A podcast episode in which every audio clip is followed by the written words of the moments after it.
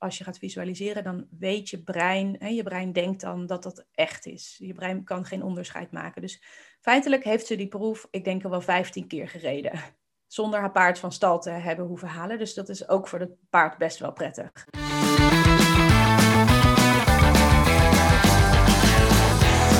Leuk dat je luistert naar de paardenpodcast van Horse in Mind. Ik ben Rianne Dekker en in deze podcast hoor je toffe gesprekken met experts over het houden en trainen van paarden. Met al deze experts heb ik één ding gemeen en dat is dat we een wereld vol gezonde en gelukkige paarden willen.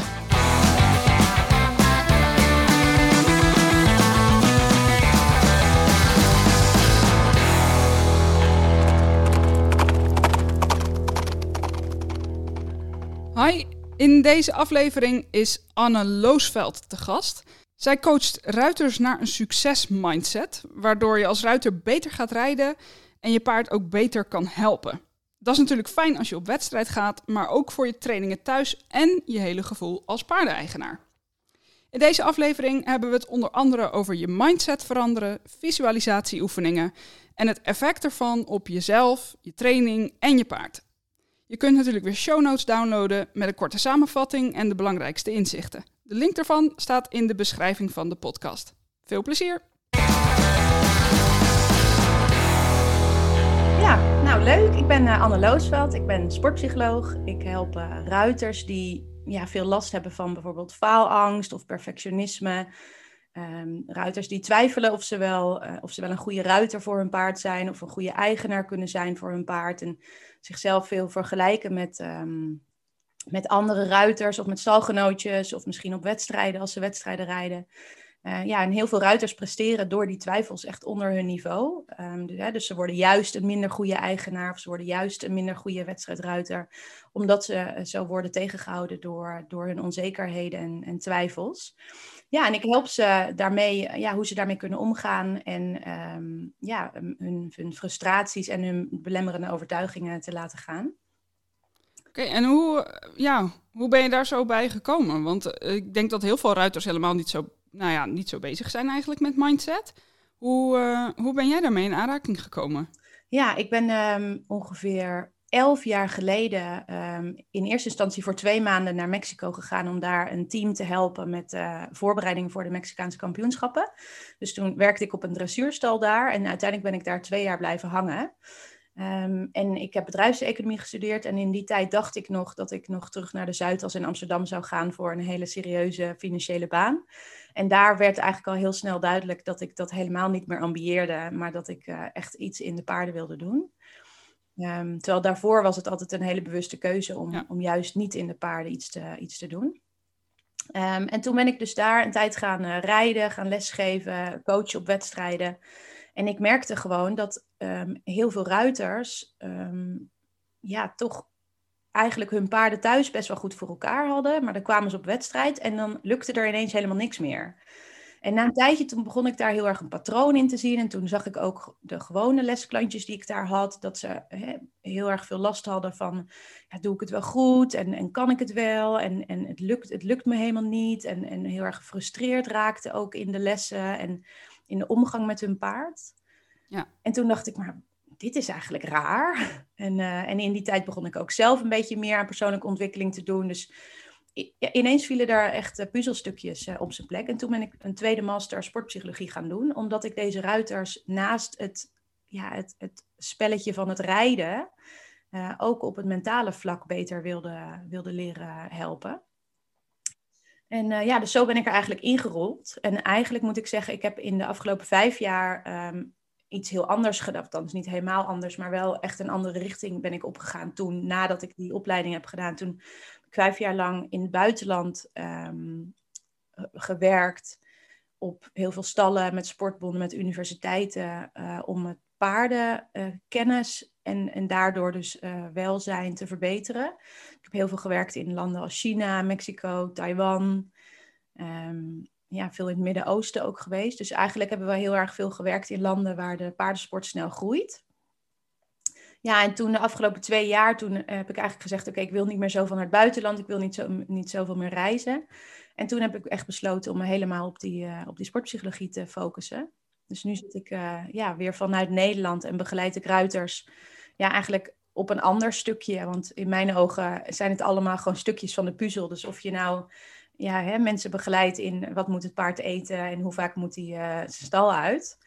Ja, of het mentale stuk is voor mij eigenlijk, het is een ander onderwerp, maar het is, heeft allemaal te maken met het verbeteren van het welzijn van het paard.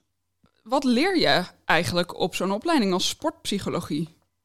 Nou, dat is natuurlijk eigenlijk een hele brede uh, opleiding. Dus daar zitten um, voetbalcoaches, tennis, golf, hockey. Hè? Dus eigenlijk uh, de sportkant. De, een groot onderdeel van de sportpsychologie is ook uh, prestatiepsychologie. Dus het gaat ook juist over, nou ja, hoe zorg je dat bijvoorbeeld polities altijd goed kunnen presteren. Of mensen in het bedrijfsleven die ook hè, vaak moeten pieken en onder druk staan. Dus hoe zorg je dat mensen op het juiste moment kunnen presteren?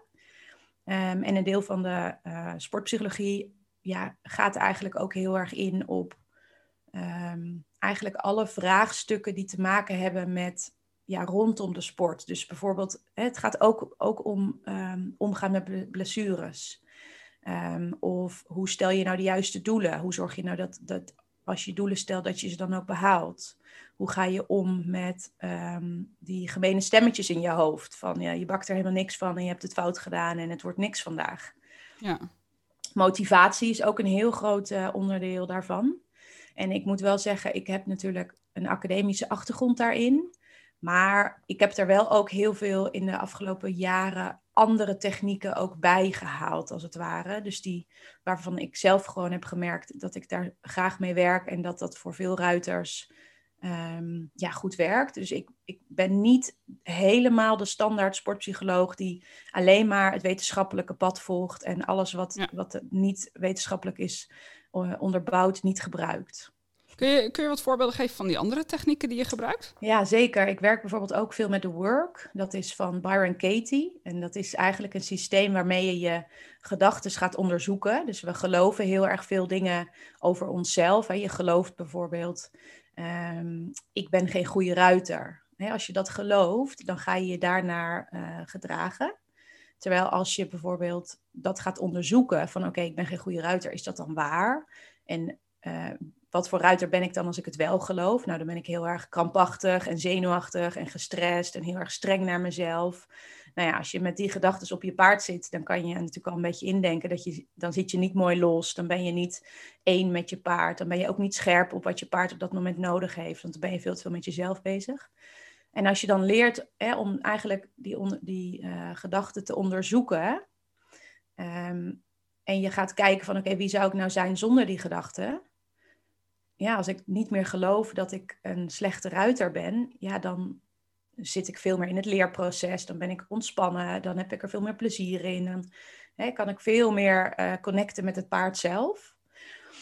Dus de work is wel een van de belangrijkste andere technieken die ik ook uh, veel gebruik naast, uh, ja, naast alles wat ik in mijn opleiding heb geleerd.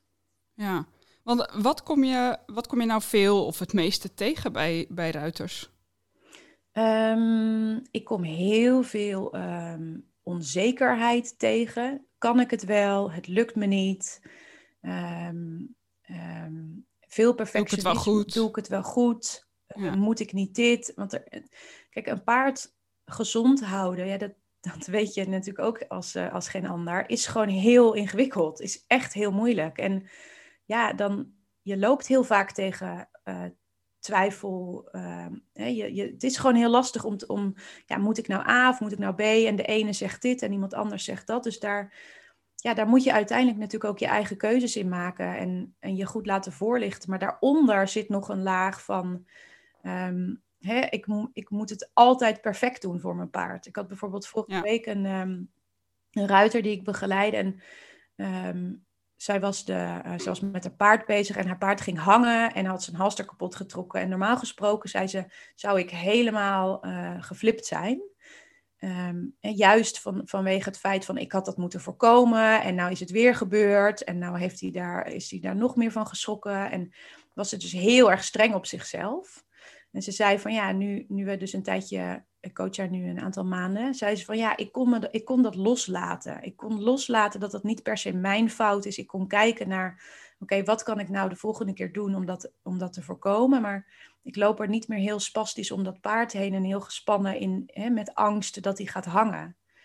Ja. ja, en dat voelt zo'n paard natuurlijk ook meteen. Dus als wij heel erg in de gedachten zitten van, oh, er mag niks misgaan en ik moet altijd het juiste kiezen. Hetzelfde is bijvoorbeeld, wat ik nu ook heel veel meekrijg, is, ja, nu is het, iets, is het al iets warmer, dus is de twijfel er een beetje vanaf. Maar bijvoorbeeld met de dekens. Ja, moet ik nou wel een deken op, geen deken op? Er is heel veel twijfel over. Uh, en daar liggen ruiters soms echt wakker van. Ja, ja ik ken het. Ik, ik denk dat eigenlijk elke paardeneigenaar dat wel herkent. Ook als het niet om training gaat, gewoon de verzorging van je paard. Ja. Het, het, het altijd twijfelen of er niet iets is dat je beter had kunnen doen. Of je niet iets over het hoofd gezien hebt. Of de voeding wel in orde is. Of, ja. Uh, of ze wel echt happy zijn. Of het niet beter kan. Um, ja. ja, precies dat wat je. Hè, dit zijn natuurlijk echt briljante voorbeelden daarvan. En wat ik. Kijk, ik zeg niet. Um, joh, het maakt eigenlijk allemaal niet uit hoe je het doet en wat je je paard te eten geeft. Helemaal niet. Maar als je dus goed laat um, voorlichten en je leert erover en je leest erover, dan mag je op een gegeven moment ook loslaten dat het helemaal perfect moet. Want dat bestaat ook niet. Dus we verwachten, veel ruiters verwachten van, van zichzelf dat ze het helemaal perfect moeten doen. En als hun paard het dan per ongeluk een keer te warm heeft onder die deken, ja, dan liggen ze daar zelf een week lang wakker van, omdat ze het verkeerd hebben gedaan voor hun paard. En uh, dat is een stukje wat gewoon heel erg zonde is. En daar gaat toch wel heel erg vaak het plezier ook, um, ook door weg. Wordt in ieder geval minder. En, en hoe ga je daar dan mee om als je paard bijvoorbeeld een, wel een probleem heeft? Dus bijvoorbeeld een blessure heeft of een bepaalde aandoening of wat dan ook. Uh, dan ben je continu bezig met het verbeteren uh, of het goed doen voor je paard. Ja, ja hoe, hoe um, krijg je dan toch een soort van ja, berusting of zo? Mm Ik, hoe ga je daarmee om? Nou, ik denk dat het uh, heel belangrijk is als eerste dat je, um, dat je heel veel van deze dingen niet uh, linkt aan wie jij bent als persoon. Um, en dat moet ik denk ik een beetje meer uitleggen. Maar kijk, op het moment dat, dat je paard een blessure heeft, dan ben je nou, hè, bijvoorbeeld met dierenartsen of met osteopaten of met hè, andere um, hulpverleners rondom je paard, ben je bezig om goede beslissingen te nemen voor je paard. Ja. En daarin ben je als eigenaar natuurlijk altijd verantwoordelijk. Dus jij bent altijd degene die, die bepaalt hè, wat er uiteindelijk gebeurt.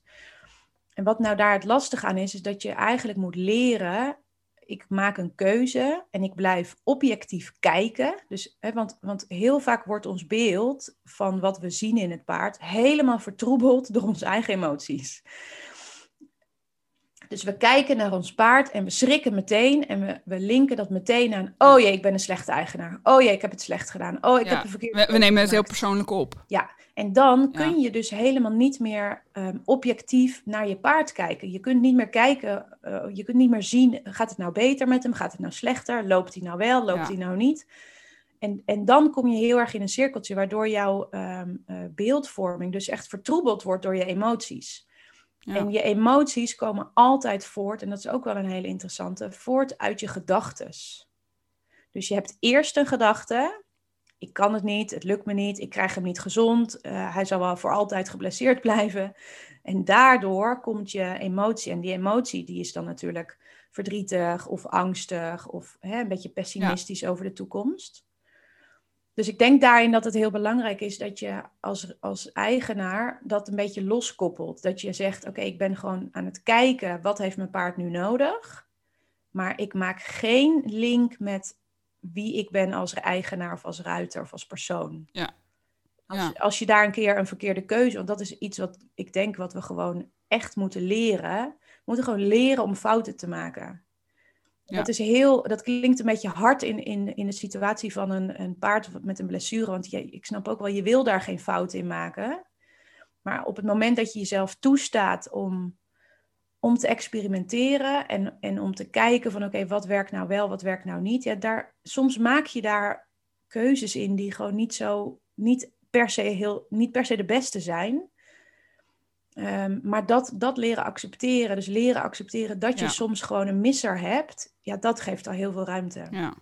Ja, het leven is niet perfect. Het is gewoon niet perfect. En nee. niet maakbaar, Nee. wat dat betreft. En we Nee. hebben allemaal dat we wel eens verkeerde keuzes maken of fouten. Of dat we achteraf denken, oeh, dat had ik echt anders moeten doen. Maar als je er gewoon op die manier naar kunt kijken en kunt evalueren van oké, wat heb ik er nou uit geleerd? Wat ga ik de volgende keer anders doen? In plaats van dat je jezelf helemaal de grond in timmert, als het ware.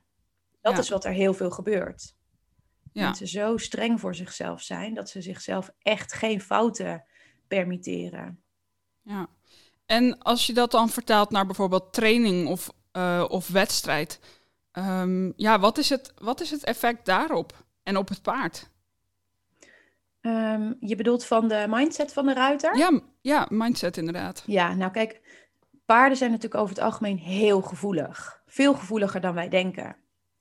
En ehm, wat, wat ik net al zei, is dat je gedachten zorgen voor je emoties. Dus stel dat je op je paard zit en je nou, bent gewoon thuis aan het trainen en iets lukt niet. Dus je krijgt je paard toch net niet fijn voor elkaar, of je probeert een oefening te doen en het lukt niet.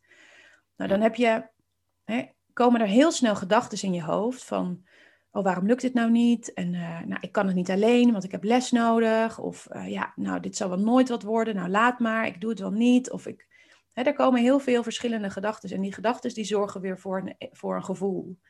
Hè, dus dan word je bijvoorbeeld moedeloos, of je wordt juist gefrustreerd, of je wordt heel erg boos op je paard. Dat zie ik toch ook gewoon best wel veel. En dat is ook heel menselijk. Ehm, die frustratie. En die komt door je gedachtes.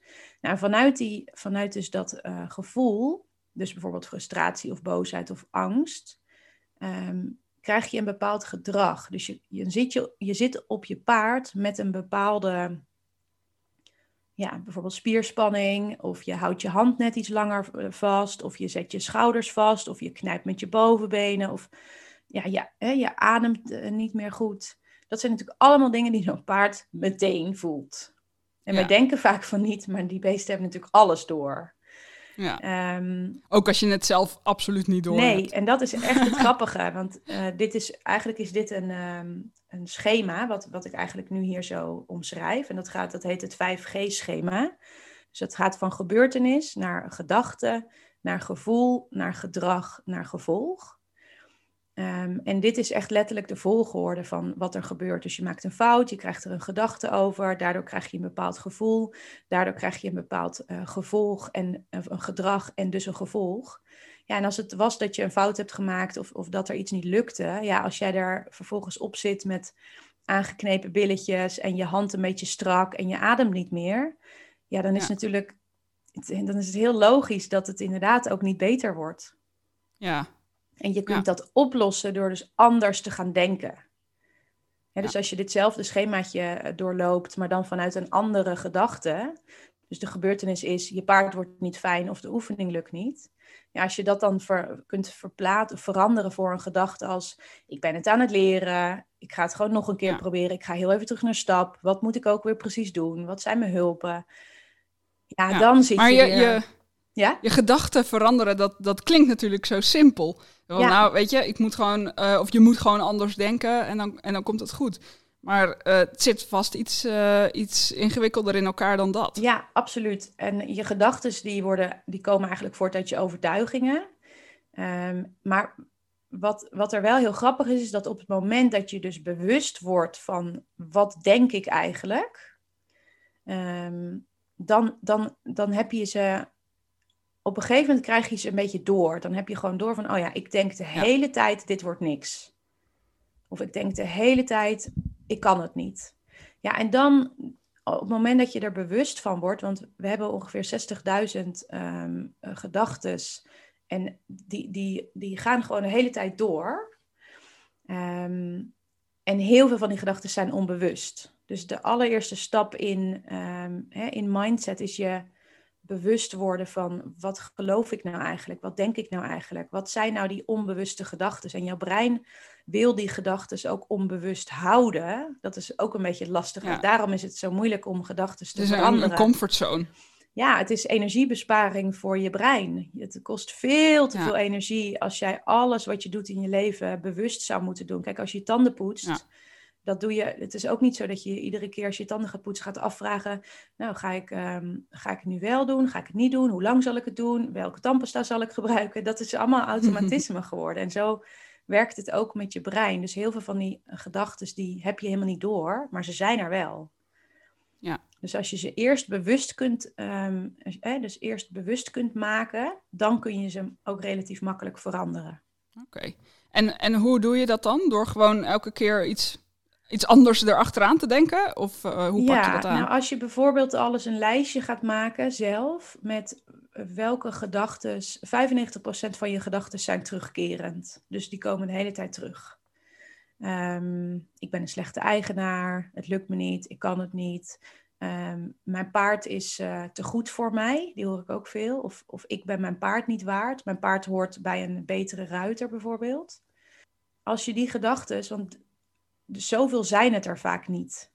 Dus je kunt ze uh, opschrijven en um, eigenlijk dan al tackelen met een nieuwe gedachte. Dus je gaat eigenlijk proberen van een gedachte als: oh, dit, dit, wordt nooit wat. Die ga je gewoon proberen te tackelen met een standaard zinnetje. Oké, ik ben het aan het leren. Ik geef mezelf de tijd. En dit is het proces. En als het nou iedere keer andere gedachten zouden zijn, ja, dan zou je overspoeld worden. En dan zou je wel daar heel goed en creatief mee om moeten kunnen gaan. Maar zo, het zijn er gewoon niet zoveel.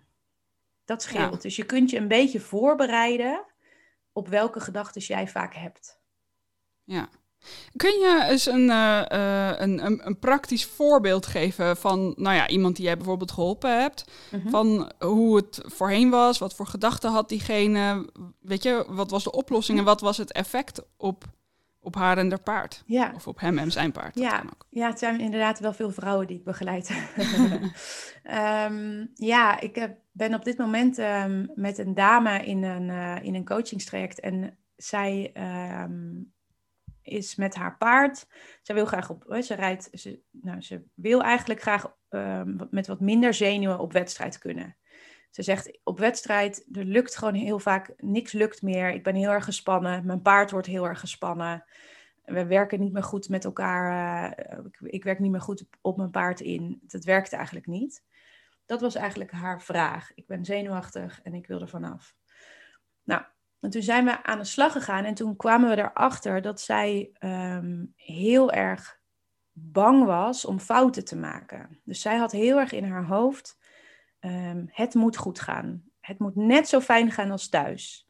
En als ze dan bijvoorbeeld thuis een oefening een keer niet goed ging, een tijdje geleden had ze dat achterwaarts ineens niet meer zo goed ging, terwijl dat normaal wel goed gaat.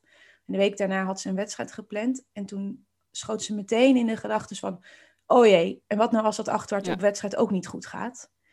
Dus heel erg veel ehm, angst eigenlijk dat het op wedstrijd net zo goed moet gaan als thuis. Want thuis gaat het heel erg goed en is het, hè, heeft het paard fijn voor elkaar. En ja, waar we eigenlijk heel hard ehm, mee aan, aan de slag gegaan zijn, was het stukje um, loslaten dat het dus net zo goed moet gaan op wedstrijd. En dat klinkt natuurlijk heel tegenstrijdig, want ja, ik snap ook wel dat als je op wedstrijd gaat, dat je wil dat het goed gaat. Um, maar daar zit. Het is dus ook een beetje je erbij neerleggen dat het gewoon op wedstrijd uh, anders is dan in de training of zo. Ja, en op het moment dat je jezelf. Kijk, de, er zijn natuurlijk een aantal dingen. Er zijn een aantal. We zijn doelen aan het stellen, waardoor zij. Als ze in de proef zit en ook met losrijden eigenlijk al heel precies weet wat moet ik doen. Dus ja. waar moet ik op letten? Uh, welke lijnen moet ik rijden? Uh, wat wil ik in het losdraven doen voordat ik aangaloppeer? Hoe galoppeer ik aan? Welke oefeningen rij ik? Wat doe ik met mijn binnenteugel? Wat doe ik met mijn binnenbeen? Wat doe ik met. Gewoon heel... Ze weet precies wat ze moet doen. Nou, dat is een stukje wat we ook veel visualiseren. Dus als je gaat visualiseren, dan weet je brein... Hè, je brein denkt dan dat dat echt is. Je brein kan geen onderscheid maken. Dus feitelijk heeft ze die proef, ik denk al wel 15 keer gereden. Ja zonder haar paard van stal te hebben hoeven halen. Dus dat is ook voor het paard best wel prettig. Dus ook visualisatie kunnen we zo meteen nog wel wat meer over hebben, want dat is ook gewoon een hele leuke techniek. Dus, ehm, nou, en, en ze is natuurlijk gewoon goed voorbereid. Dus we maken ook een wedstrijdplan, dat ze gewoon precies weet wat ze wanneer moet doen, hoe laat ze wat klaar moet hebben. Dus een stukje zit in voorbereiding, in doelen stellen en in visualisatie. Nou, dan heb je jezelf dus eigenlijk in een positie gezet waarin het in theorie zou moeten kunnen lukken. Nou, als je dan aankomt op wedstrijd met de gedachtes, oh jee, het moet wel lukken. Oh jee, het mag niet misgaan. Oh, als het, als het achter maar, achterwaarts maar niet, uh, niet scheef gaat, want ja, hij kan het eigenlijk zo goed, maar soms doet hij het niet. Ja, dan zit je er weer met verkramping op en dan ben je dus niet meer bij je, bij je doelen. Dan ben je niet meer bij je procesdoel. En ehm, dat is het mooie wat zij dus echt geleerd heeft, is eigenlijk loslaten van al die OJ-gedachtes. Gewoon zeggen, oké, ik ik, ik probeer de proef in te gaan, ik probeer helemaal bij mijn paard te zijn. Daar hebben we ook wel weer een aantal technieken voor, waaronder ook dat doelen stellen. Dus, oké, AC-lijn, wat moet ik doen? Nou, ik moet daar kijken, ik moet mijn benen zo, ik moet mijn handen zo, ik moet misschien een beetje doordraven of ik moet juist iets terugnemen. Heel concreet zeggen wat er moet gebeuren. Ehm, ja, en dan, dan krijg je dus je focus helemaal bij je paard. En dan, de grap is, dan gaat het dus niet mis. Ja. Dus juist door jezelf een beetje toe te staan van oké, als er een fout in zou komen, ik heb echt een, hè, dat ze heeft dus echt een, een groeimindset. Dus echt leren van oké, als het misgaat, als er een foutje insluipt, als het, er zitten altijd goede dingen in en minder goede dingen. Ehm, en de goede dingen ga je gewoon uitbouwen en je gaat oefenen aan de minder goede dingen. En dan kan het eigenlijk niet anders dan dat het vroeg of laat een keer echt een heel groot succes wordt in die proef. Ja. En dat vond ik wel een heel grappig. Dat is, klinkt gewoon heel tegenstrijdig. En gaat het dan ook, in, ik bedoel, je zei al van ja, echt focus bij je paard. En ehm, je, je, je gaat dan dus echt per oefening ehm, bedenken wat je moet doen en niet te ver vooruit kijken eigenlijk, letterlijk en figuurlijk. Uh, gaat het dan ook om een stukje ja, mindfulness? Nou, dat is eigenlijk wel, ja, dat is wel grappig dat je dat zegt, want dat maakt um, dat je dus inderdaad heel erg in het hier en nu bij je paard bent. Ja. dus ook voor ruiters die bijvoorbeeld heel veel last hebben van um, dat ze de hele tijd tijdens de proef uh, afgeleid raken. Of bijvoorbeeld kijken wie er langs de baan staan. Of als ze langs het juryhokje rijden, dat ze zo met zo'n scheef oog naar binnen kijken, stiekem. Um, dat zijn al, op, op al die momenten laat je eigenlijk je paard alleen. Je bent er gewoon letterlijk niet meer. En nou, de meeste, denk ik, van de luisteraars, die kunnen prima op hun paard zitten zonder dat er echt ongelukken gebeuren. Dus je kunt prima op, op halve aandacht gewoon op je paard rondje rijden. Er gebeurt weinig. Valt er niet zomaar vanaf. Um, maar je bent er ook niet helemaal voor je paard. Ja. Terwijl eigenlijk heeft dat dier het ook nodig dat jij helemaal met je aandacht bij dat paard bent. Ja, je zou zelfs kunnen zeggen dat ze het, dat ze het verdienen. Ik bedoel, het is natuurlijk gewoon een dier waar, je, waar we bovenop gaan zitten uh, en dingen van ze verwachten. Ja. Eh, ja. en dan, dan moet ik toch wel gelijk denken aan, uh, aan mensen die verveeld met hun telefoon, weet je, een beetje over Instagram scrollen terwijl ze aan het in- of uitstappen zijn. Of zelfs tijdens het longeren.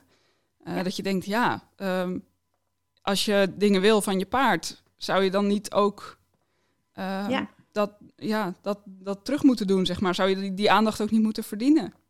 Ja, dat ben ik helemaal met je eens. Ja, sowieso. Kijk, ja, en ik bedoel, aan de ene kant eh, heeft dat paard het nodig en verdient dat paard het. Ja. Uh, dat jij als ruiter met je aandacht bij het paard bent.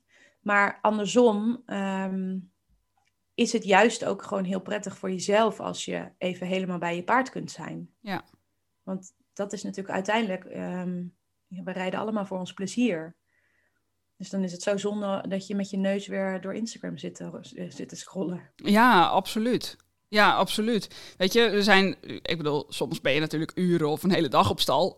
natuurlijk komt het voor. Maar de meeste mensen zijn natuurlijk maar een uurtje uh, bijvoorbeeld aan het trainen of zijn maar een paar uur op stal. En verder hebben we natuurlijk gewoon de waan van de dag. Ehm, we moeten werken, uh, we hebben mails te beantwoorden, we, worden, we krijgen appjes, we worden gebeld.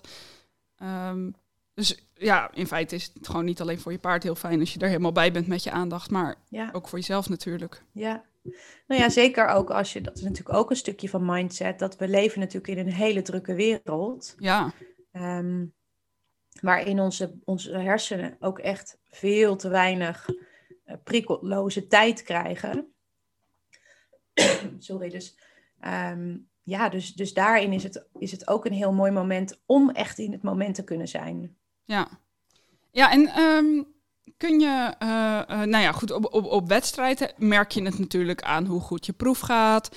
Uh, je punten natuurlijk, maar ook de ontspanning van je paard. Um, ik kan me voorstellen dat dat in de gewone training bijvoorbeeld ook zo is. kun je nog wat voorbeelden geven van um, wat je direct aan je paard kunt merken op het moment dat je hiermee aan de slag gaat? Wat is het effect op, op je paard eigenlijk? Ja, nou, wat er heel vaak gebeurt is dat, um, dat, dat je, je hebt eigenlijk continu een interactie met je paard. En heel vaak zijn we ons daar niet zo heel erg van bewust, want het gaat ook voor veel ruiters al heel erg op de automatische piloot. Maar op het moment dat jouw paard bijvoorbeeld ergens van schrikt, hè, of, of hij kijkt een keer op en op, dan is jouw reactie als ruiter of als gewoon persoon op de grond als je naast je paard loopt of staat, eigenlijk al heel belangrijk. Want op het moment dat jij uh, dan ook aanspant, of al denkt van, oh hij schrikt, hij zal wel weer in een slechte bui zijn als ik er straks op ga, de, dat, dat brein neemt heel vaak echt een loopje met ons. Want als je niet oplet, dan ben je in je hoofd alweer hele grote scenario's aan het maken, bijvoorbeeld. Um, en dat voelt dat paard. En het is natuurlijk een beetje een soort van cliché van ja, dat paard voelt alles. Maar dat komt omdat wij bepaalde dingen denken. Um, Dus aan de ene kant, hè, als je paard bijvoorbeeld spanning krijgt van iets, uh, dan is het heel belangrijk om na te gaan, wat denk ik nu? Want daardoor kan jij je lichaam ontspannen uh, en kan je paard ook weer, weer ontspannen en beter helpen. En wat er heel vaak ja. gebeurt is dat ruiters wel zich bewust zijn van, oh, ik ben nu een beetje gespannen en ik vind het een beetje eng en ik moet dus nu mijn lichaam ontspannen. En dan proberen ze heel hard uh, goed diep in, in, te ademen en hun schouders omlaag te krijgen. Um, maar vaak werkt dat gewoon niet zo goed, omdat er in hun hoofd zitten ze nog in de gedachten al die enge scenario's ja. af te spelen. En dat werkt gewoon ja, niet precies, samen. Ja. Dan is het een beetje, dan is het eigenlijk een beetje het doen alsof. Ja, en dat werkt dus niet in je lichaam. En dan krijg, soms lukt het wel om je lichaam dan even te laten ontspannen. Maar als vervolgens weer de, de volgende enge gedachte voorbij komt, ja, dan spant dat lichaam zich gewoon weer aan. Want dat lichaam denkt, hé, hey, wat is er aan de hand? Er is blijkbaar paniek en we moeten klaarstaan om, uh, om te vechten of te vluchten. Ja. En, uh, en um, je had het net over visualisaties. Ja. En ik, ja, ik vind dat altijd wel een heel interessant. Ik ben zelf ook ontzettend visueel ingesteld. Ja? Dus ik, um, alles in, uh, in mijn hoofd gaat eigenlijk in, in beeld. Oh ja, leuk, ja. um, en ja, ik probeer dat ook wel te gebruiken in, uh, uh, in de training. Door nou ja, bijvoorbeeld uh, van tevoren, als ik eraan denk, ik vergeet het ook wel eens hoor, maar om van tevoren echt te bedenken: oké, okay, hoe wil ik dat deze oefening eruit ziet? Of hoe wil ik dat deze galop voelt? Of wat dan ook. Ja, wat goed. Um, ja, heb je, heb, je, heb je tips over hoe je daar ja, nog beter gebruik van kan maken? Ja, nou, um, wel heel leuk dat je dat al doet eigenlijk hoor. Want er zijn niet zo heel veel ruiters die dat doen. Um, en voor de ruiters die nu denken, um, oh ja, maar ik ben niet visueel ingesteld, dus laat maar, dat is niks voor mij. Uh, dat kun je echt leren. Want uh, hè, ook als kind heeft bijna iedereen fantasie. Dus um, ja, je, je kunt dat echt leren, je kunt het gewoon oefenen. Wat heel ja, en het is, maar het is volgens mij ook niet alleen beeld. Nee, Want het is voor precies. mij ook gevoel, ja. zeg maar. Dus als ik iets, ja. iets bedenk, dan is het niet alleen maar dat ik gewoon het paard voor me zie... of ik zie de galopbeweging of wat dan ook. Ja ik, als het gaat om het rijden bijvoorbeeld, dan weet ik ook hoe het voelt. Of ik weet wat voor in mijn hoofd wat voor ontspanning of wat dan ook daarbij komt. Ja. Uh, ja. ja. Het is wel een samen, samenloop van, van dingen. En het zijn ook woorden. Absoluut. Dus ik, en je, ja. dat is ook wel heel leuk dat je dat zegt. Want um, een van de belangrijkste dingen als je gaat visualiseren... is om het zo echt mogelijk te maken. He, dus als je nou kijkt, wat is visualisatie nou eigenlijk? Het is eigenlijk het afdraaien van een alsof jij in een, in een film zit. Dus je bent eigenlijk een bepaalde situatie waar je jezelf ziet en, en um, nou, bezig ziet. En je brein kan dus geen onderscheid maken um, of dat nou echt of nep is. Dus als jij jezelf nou heel vaak visualiseert. Uh, nou, misschien ja, hè, als je um, bijvoorbeeld zenuwachtig bent voor een wedstrijd, of als je bijvoorbeeld zenuwachtig bent om uh, een strandrit te gaan maken. Hè, dat vinden bijvoorbeeld mensen soms best wel spannend. Nou, als je nou jezelf visualiseert dat jij zo met je paard de uh, strandopgang uh, opkomt, nou, dan weet ik zeker dat als je dat spannend vindt, dat je bij de gedachte alleen al spanning voelt in je lichaam. Dat je al denkt, oh ja, dan voel je al helemaal die, die kriebels opkomen. Nou, dat ga je gewoon net zo vaak doen, totdat je op een gegeven moment die kriebels eigenlijk niet meer voelt. Dat je gewoon letterlijk over het strand kunt rijden, want je brein heeft het al meegemaakt. Je bent het letterlijk aan het doen. Dat hoofd kan helemaal geen onderscheid maken daartussen. Ja. Dus we kunnen dat heel goed Grappig inzetten. ja, je kunt dat, dat is echt een briljante techniek eigenlijk. Ehm, en op deze manier help ik ook best wel veel ruiters die ehm, angstig zijn geworden voor hun paard. Die er niet meer op durven of die bijvoorbeeld inderdaad niet naar het bos durven of niet durven te springen. We gaan dat eerst mentaal oefenen. Gewoon rehearsen. Dus, iedere, dus als een soort van uh, repetities. Gewoon doen, doen, doen, doen. En dan uiteindelijk als je in de visualisatie er geen spanning meer van krijgt, dan kan je richting je paard gaan. Maar ja. Ehm, wat, wat er heel belangrijk is, je probeert dus om het zo echt mogelijk voor je brein te maken, uh, probeer je echt zoveel mogelijk zintuigen erbij te betrekken. Dus wat jij net zei over, ja, ik, ik probeer het niet alleen te zien, maar ik voel het ook. Dat is dus ook, dat is juist heel goed. Dus je probeert ook juist dingen te horen, misschien de uh, voetstappen van je paard of de wind of uh, je wil uh, de baan om je heen zien. Je wil misschien de, wind in je gezicht voelen. Of misschien wel een beetje zonnebrand proeven. Hè, of iets anders wat je proeft. Je, je wil echt zoveel mogelijk zintuigen erbij te betrekken. Zodat het nog echter wordt. Terwijl je letterlijk gewoon op de bank zit natuurlijk. Um, ja, om het voor je brein zo echt mogelijk te maken. Ja, inderdaad. Nou ja, en wat ik wel um, ook nog wel merkte met bijvoorbeeld. Um, ik heb het heel bewust ingezet toen ik met mijn vorige paard. Uh, uh, toen de galop moeilijk was. Ja. Uh, zij had, ik geloof, de rechtergalop was voor haar toen altijd heel lastig. En dat mondde eigenlijk altijd uit in keihard de bak door in, oh, in contragalop. Ja. Um, en daarbij moest ik wel het visualiseren dat, dat dat kon ik heel goed. En ik wist precies hoe dat moest voelen en hoe het eruit moest zien en, en, en alles. Um, maar dan zit je op je paard en dan uh, uh, geef je die hulp en dan is het een soort van, nou, ja. hoop van zegen. Ja. ik, dat, dat is nog wel weer een tweede, om dan dat gevoel en die gedachten ook weer vast te houden als je het daadwerkelijk aan het doen bent. Ja, en um, je kunt daar ook nog een tussenstapje in maken. Namelijk, kijk, nu heb je waarschijnlijk het ideale aangelopeerscenario gevisualiseerd. Ehm, en als je dan op je paard gaat zitten en inderdaad je hulp geeft en uh, verwacht dat het helemaal geweldig gaat, ja, dat het gaat natuurlijk niet geweldig. Want dat, dat, doordat jij op de bank hebt zitten visualiseren, is die rechtergalop voor je paard natuurlijk niet meteen makkelijker geworden. Ja. Um, dus wat je dan ook nog had kunnen visualiseren, een soort van tussenstapje, uh, uh, waarin jij op dat moment de beste ruiter bent. En wat jij nou precies moet doen om jouw paard te helpen in die rechtergalop. Dus dan visualiseer je dat het eigenlijk, dus je visualiseert niet dat het mislukt, maar je visualiseert de moeilijkheid. Ja. En dan word je daar, want um, dan leert je, dan wend je brein alvast aan het idee hè, hoe dat paard dat aangaloperen lastig vindt. Ja. Ja, precies. Oké, ja, interessant. zo kun je bijvoorbeeld ook visualiseren. Kijk, als iemand bijvoorbeeld angstig is voor een paard, of om erop te gaan, dan kun je wel visualiseren dat het paard helemaal braaf is en dat het een fijn ritje is en ontspannen. En, eh, nou, de lucht is mooi blauw en we zijn allemaal heel gelukkig. Ehm, maar wat ook heel interessant is, is om gewoon eens te visualiseren en hoe jij er dan mee omgaat. Wat, wat doe je als het paard een keer zijn hoofd omhoog doet en een keer eh, eh, wat, wat aanspant? Kijk, als je dat kunt visualiseren, dan heb je dat namelijk ook al tien keer meegemaakt. En dan weet je gewoon, oh ja, ik moet gewoon weer wat dieper zitten, mijn schouders weer los. Ik hoef niet met mijn billen en mijn benen helemaal aangespannen te zitten op mijn paard. Oh ja, ik herken dit. En dan herkent je brein het dus ook in het echt. Ja. ja. Ja, heel waardevol. Ja, het is wel een hele mooie ehm, techniek. Wordt weinig gebruikt. Dus um, best wel makkelijk ook om ermee te gaan oefenen zelf. Ja, absoluut. Ja. Dat is iets wat je prima zelf kan doen, namelijk. Ja. Ja, um, ja we gaan een beetje richting het einde van, uh, van de podcast. Ja. Uh, jij hebt ook een een e-book, hè, zag ik. Waar kunnen luisteraars die vinden? die kunnen luisteraars vinden op mijn website, anneloosveld.com. Dan zie je hem eigenlijk meteen op de homepage wel staan.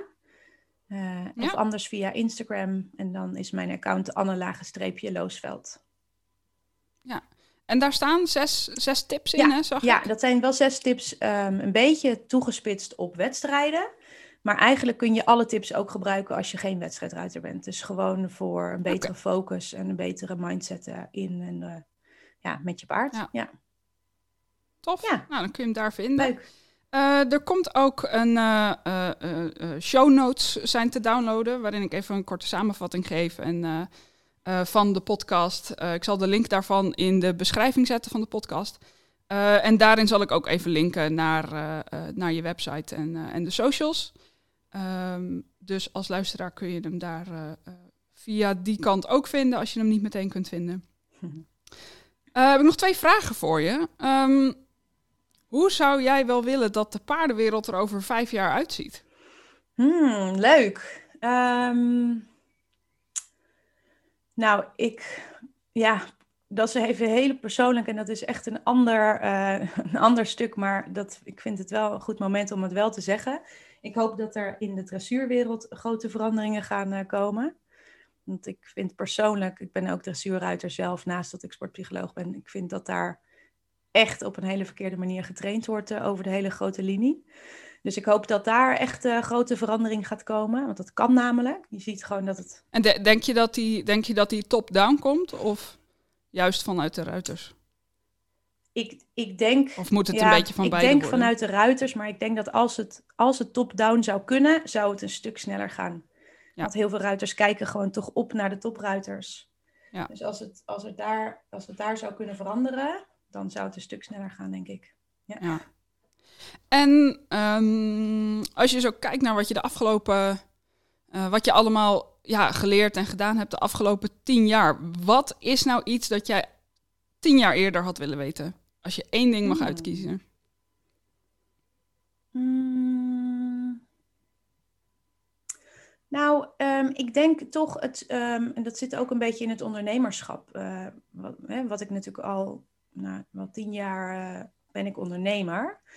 Ehm, is, ik denk dat het, het lijkt me gewoon zo mooi als jonge kinderen en, en tieners al leren dat je niks te bewijzen hebt. Dat je niet voor jezelf altijd zo streng hoeft te zijn, maar dat je gewoon wat meer kan genieten en wat meer plezier mag maken. En, want juist van daaruit komen gewoon hele mooie dingen. Want dan durf je stappen te zetten. Dan zeg je, oké, ik doe het gewoon, let's go. Daar komt, daar, eh, mensen die zeggen, ik wil graag wat, wat meer eh, dapper zijn en wat meer dingen durven. Ik merk dat ik de laatste tijd veel meer enge dingen durf te doen. Eh, en niet omdat ik dus ben gaan pushen, maar juist omdat ik nu gewoon voel van, oh ja, ik hoef het allemaal niet meer te bewijzen en ik kan het gewoon gaan doen. En het Ja. mag ook misgaan. En dat geeft wel heel veel eh, ruimte. Ja. Ja. Dankjewel voor het gesprek. ja, ik vond het heel leuk. Dankjewel.